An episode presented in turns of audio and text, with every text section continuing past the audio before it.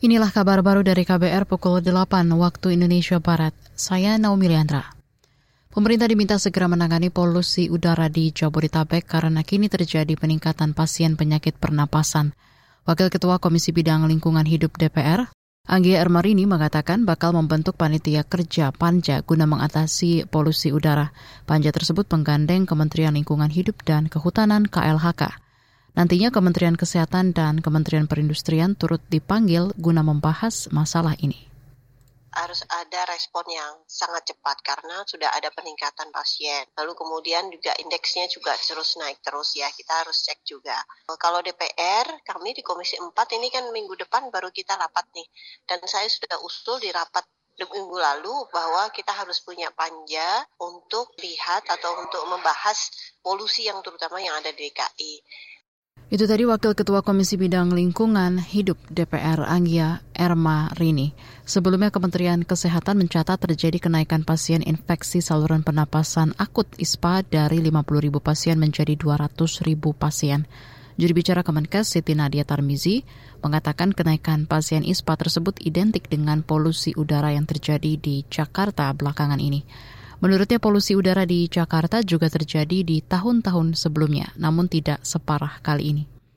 Ombudsman RI hanya menerima kurang dari 10 laporan aduan lewat sistem SP4N Lapor. Anggota Ombudsman RI Robert Na Endi Jaweng menduga hal itu lantaran SP4N tak meneruskan aduan tersebut ke lembaganya.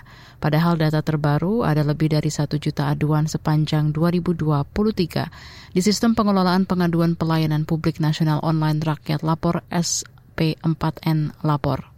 Kalau hanya kurang dari 10 yang lapor ke ombudsman, asumsi kita ini efektif ditangani di SMP lapor. Tetapi kabar buruknya, dan saya lebih percaya yang kedua ini sesungguhnya bahwa fakta juga menunjukkan bahwa ombudsman sendiri tahun 2022 kemarin menangani 22 ribu interaksi dengan masyarakat. Interaksi ini bisa laporan masyarakat, bisa konsultasi non laporan dan sebagainya. Artinya kalau masih sangat banyak puluhan ribu yang langsung ke ombudsman, SMP lapor ini masih belum termanfaatkan teroptimal oleh masyarakat.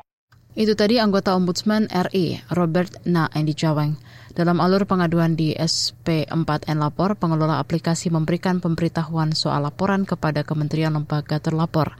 Jika laporan itu tidak selesai dalam 60 hari kerja, maka akan menjadi ranah ombudsman untuk menindaklanjuti.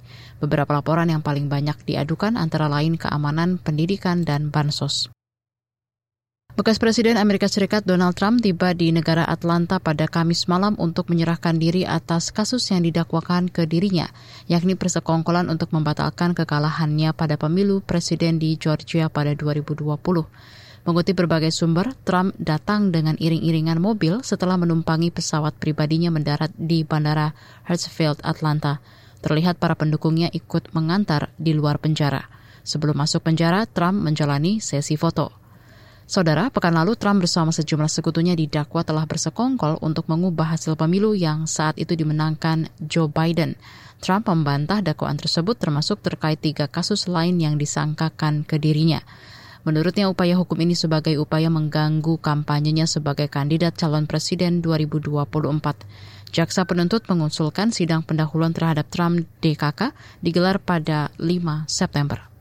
Demikian kabar baru dari KBR, saya Naomi Liandra.